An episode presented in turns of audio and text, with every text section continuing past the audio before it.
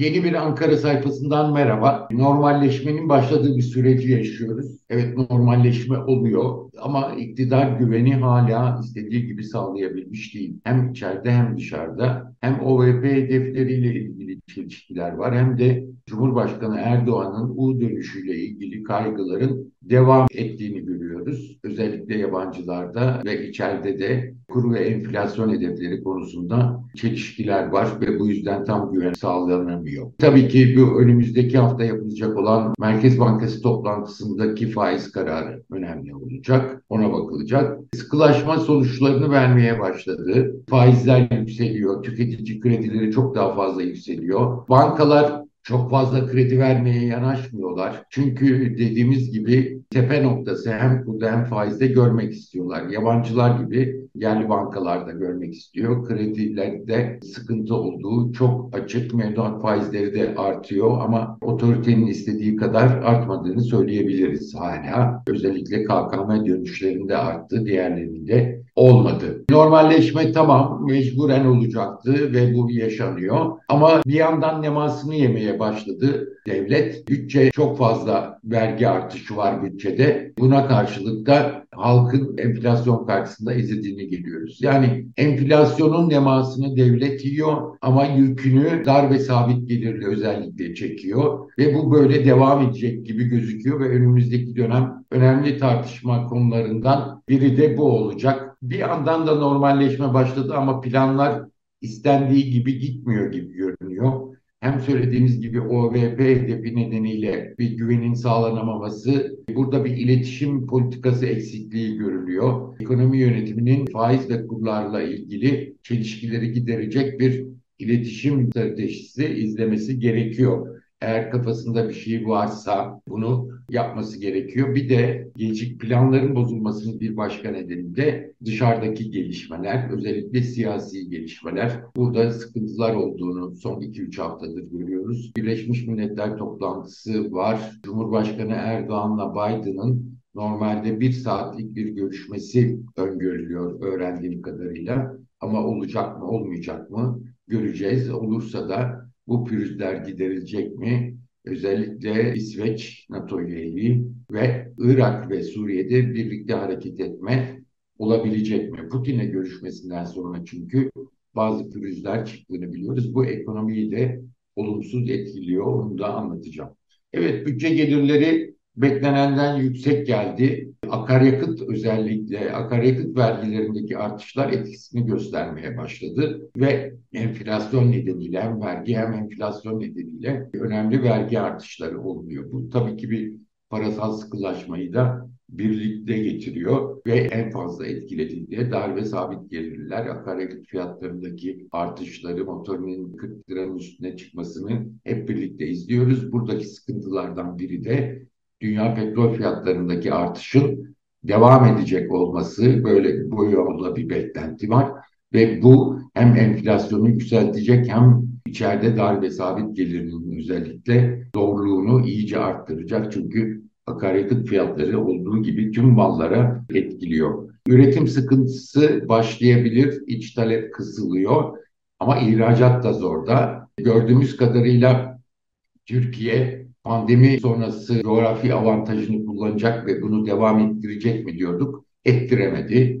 Çünkü verimlilik artışı yok. Kurlara bağlı bir ihracat artışı var. Ucuz krediye alıştırılmış bir ihracat var ve bunlar devam ediyor. Bu arada önemli gelişmelerden biri ihracatçıların kurlarla ilgili kurların yükselmesini istediğini artık şahit oluyoruz. Geçtiğimiz hafta içerisinde İTO'da yapılan toplantıda başkanın söylediği bir şey var kur artışlarının fiyatlara aynen yansıyacağı diye bir kural yok. Yani diyor ki kur artışı devam etsin ama içeride enflasyona yansımasın. Böyle bir hayat olmadığını herhalde iş adamları da biliyor, iş insanları da biliyor. Ama belli ki ihracatçılar verimlilik artışıyla yapamadıklarını kur avantajıyla yapmak istiyorlar ve yeniden böyle bir döneme giriliyor gördüğüm kadarıyla. Başkanın söylediği OVP hedefleri ortada.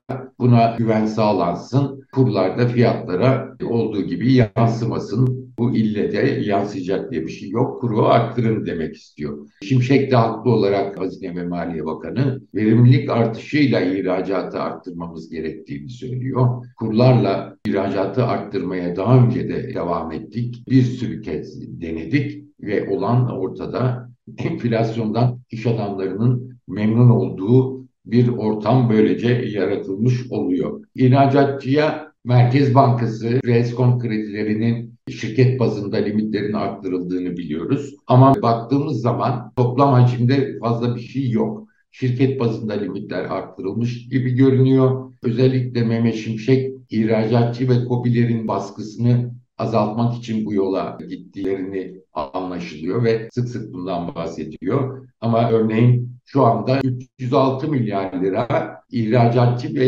yatırımcıya yatak kredileri toplamı Merkez Bankası bilançosunda 306 milyar lira. Bu mesela 14 Ağustos'ta 298 milyar liraymış. Yani çok fazla bir artış yok. Çünkü sıkı para politikasının bir gereği olarak ekonomi yönetimi bunu uygulamaya çalışıyor. Ama ne kadar dayanacak? Toplam hacmi de arttırması gerekecek büyük ihtimalle önümüzdeki günlerde. O da biliyorsunuz likiditeyi arttıracak ve enflasyonla mücadeleye köstek olan unsurlardan biri olacak. Merkez Bankası rezervleri artıyor, brüt rezervleri artıyor. Net rezervlerde önemli bir gelişme yok. Brüt rezervler 26 Mayıs'ta 98,5 milyar liraymış seçim sonrası. 8 Eylül itibariyle 120,6 milyar liraya çıkmış durumda. Ancak swap hariç kamu dahili olarak baktığımızda seçim öncesinde eksi 70 milyar doların da altına inen net rezervlere baktığımızda eksi 68.1 milyar dolar. Bu 69 milyar dolara kadar inmişti. Bir miktar düzelme var ama önemli bir şey değil. Yatay seyrediyor net rezervler diyebiliriz. Peki kurlara müdahalede rezervden satışlar durdu mu dersek durmadı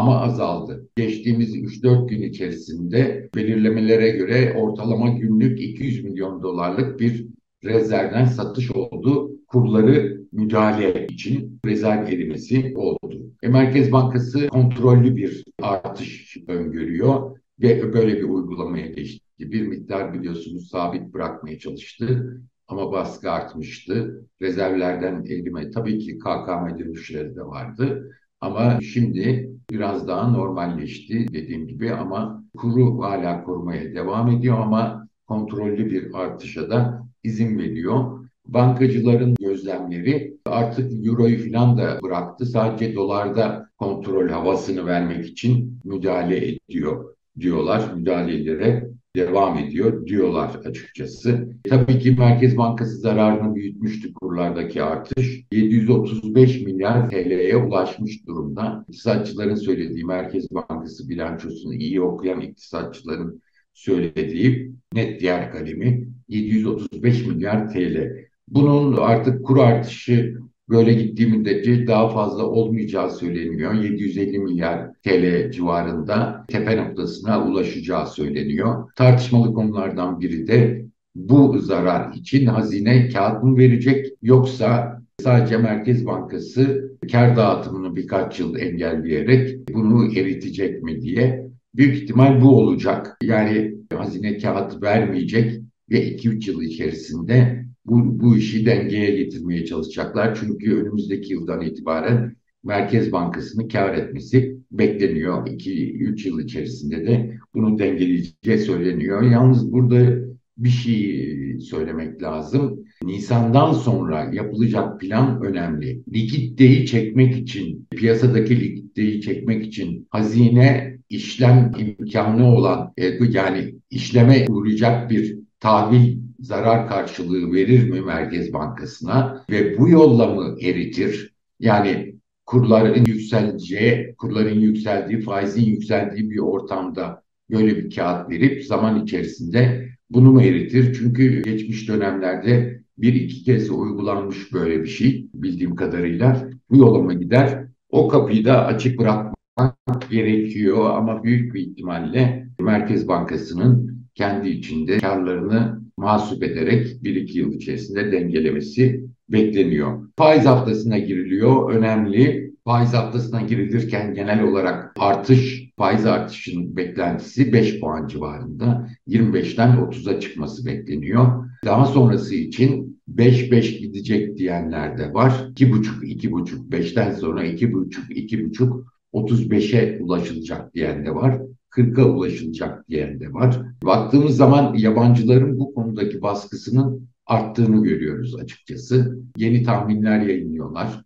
35 diyen de var tepe noktası için, 40 diyen de var. Ama bir yandan da baktığımız zaman yabancıların Türk lirasının değerli olduğunu şu anda söylemeye başladığını görüyoruz. Yani kurlarda da bir artış beklentisi var. Ben daha önce de tahminimi belirtmiştim. Nisan'a kadar yavaş bir süreç ama seçimlerden sonra hem kurun yükseldiği hem faizlerin tekrar yükseldiği bir döneme girilip ondan sonra asıl normalleşmenin o zaman başlayacağını tahmin ediyorum. Ama e, bir kafa karışıklığı var. Güven de sağlanamıyor. Baktığınız zaman Bloomberg'de tahvil piyasası ile ilgili bir yorum çıktı. Tahvil piyasası Erdoğan'ın U dönüşü coşkusunun parçası olmak istemiyor başlığı buydu. Yani bu ne demek? U dönüşü yaptı ama bunun hemen sonuç vermesini ve yabancı fon girişini istiyor ama temkinli olmalıyız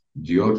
Artık yapılacaklara bakmak istiyoruz diyor yabancılar ve bununla birlikte Erdoğan'a hala bundan sonra yapacakları konusunda güven olmadığında bir belirtisi artık somut şeylerin yapılmasını bekliyorlar.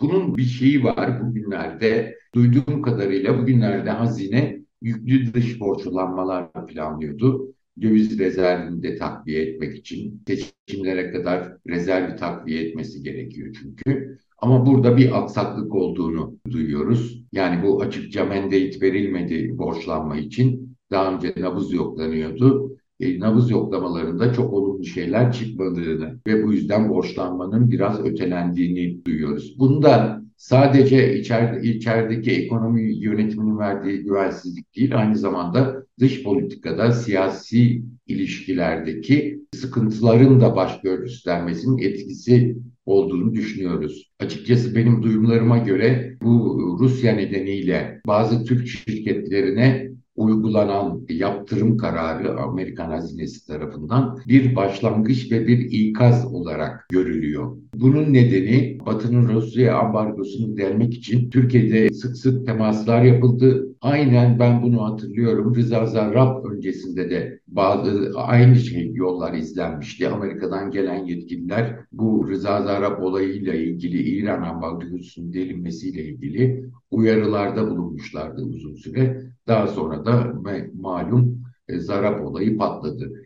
Rusya konusunda da sık sık uyarılarda bulunduğunu biliyoruz. 20 tane Türk şirketinin, 20'den fazla Türk şirketinin yakın izlemede olduğunu biliyoruz. Resmi yetkililerin bunlarla ilgili uyarıldığını biliyoruz. Özellikle iktidara çok yakın, son dönemde çok büyümüş bazı şirketler olduğunu biliyoruz. Kömür, demir, çelik ticareti özellikle bu konularda ve iktidara çok yakınlar. Ama bunlara rağmen kapsam bu kadar geniş olmasına rağmen daha küçük beş şirkete yaptırım kararı alındı. Bu bir anlamda Türkiye'ye bir uyarı niteliği taşıyor. Eğer uzlaşma olursa tam uzlaşma istenen konuları bilmiyoruz. İsveç belli. Irak ve Suriye ile ilgili görüşmeler ve burada Batı ile birlikte davranması, özellikle Amerika ile birlikte davranması sanıyorum verilen sözler var. O konuda gelişmeler bekleniyor duyduğumuz kadarıyla ama asıl konuları bilmiyoruz. Ama bir sıkıntı olduğu açık. Biden'la görüşme olacak dediğimiz gibi.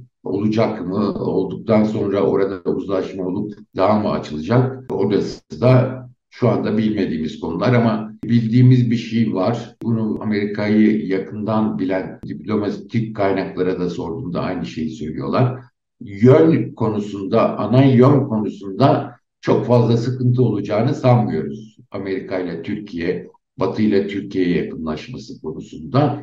Ama bazı pürüzlerin olduğu kesin ve bunun ekonomiyi etkilediği de kesin diyorlar. Yani fon akımının gecikmesine neden olabilir bu tür gelişmeler. Sadece ekonomi yönetiminin güven vermesi değil, dışarıdaki bu siyasi gelişmeler nedeniyle de bir çekimsellik olduğu söyleniyor.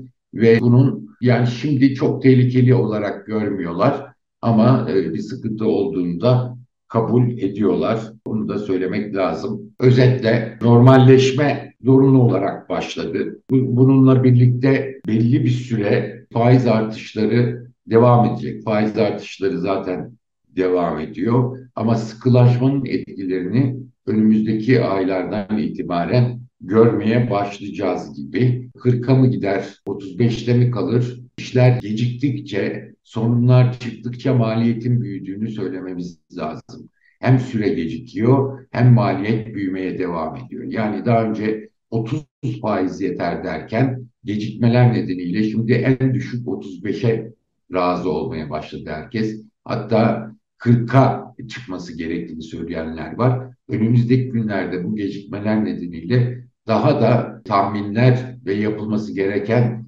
faiz artışları daha da yükselebilir. Her zaman olduğu gibi yanlış yönetimin bir şekilde faturayı ağırlaştırdığına bir kez daha şahit oluyoruz. Enflasyon hedefi sorunlu. Dediğimiz gibi ekonomi yönetimi iletişim politikasına önem vermek zorunda. Bu kur artışıyla yüzde 33'lük hedefe 2024 sonunda kimse inanmıyor. E, buradaki çelişkiyi gidermek gerekiyor ve buna göre verilecek güvende önemli olacak bir gelişme olacak bunu getirmek. Sonuç olarak bu yol mecburen yürünecek, yürünmeye başlandı. Dediğimiz en başta da dediğimiz gibi bunun faturası dar ve sabit gelirliğe çıktığını görüyoruz. Yoksullaşma çok artıyor. Uzun zamandır bu kelimeleri, cümleleri hep tekrarlıyoruz ama maalesef çok daha ağırlaşmaya devam ediyor. Bir şekilde maliyetin paylaşılması gerektiği önümüzdeki dönemde ortada. Cumhurbaşkanı Yardımcısı Cevdet Yılmaz vergiyle ilgili yeni düzenleme yapmak gerekir diyor. Bunu mu kastediyor bilmiyoruz ama sorunlar büyük. Önümüzdeki dönemde ekonomik istikrarlar birlikte paylaşım sorununu da tartışmaya başlayacak gibi gözüküyoruz. Haftaya tekrar görüşmek üzere. Hoşçakalın.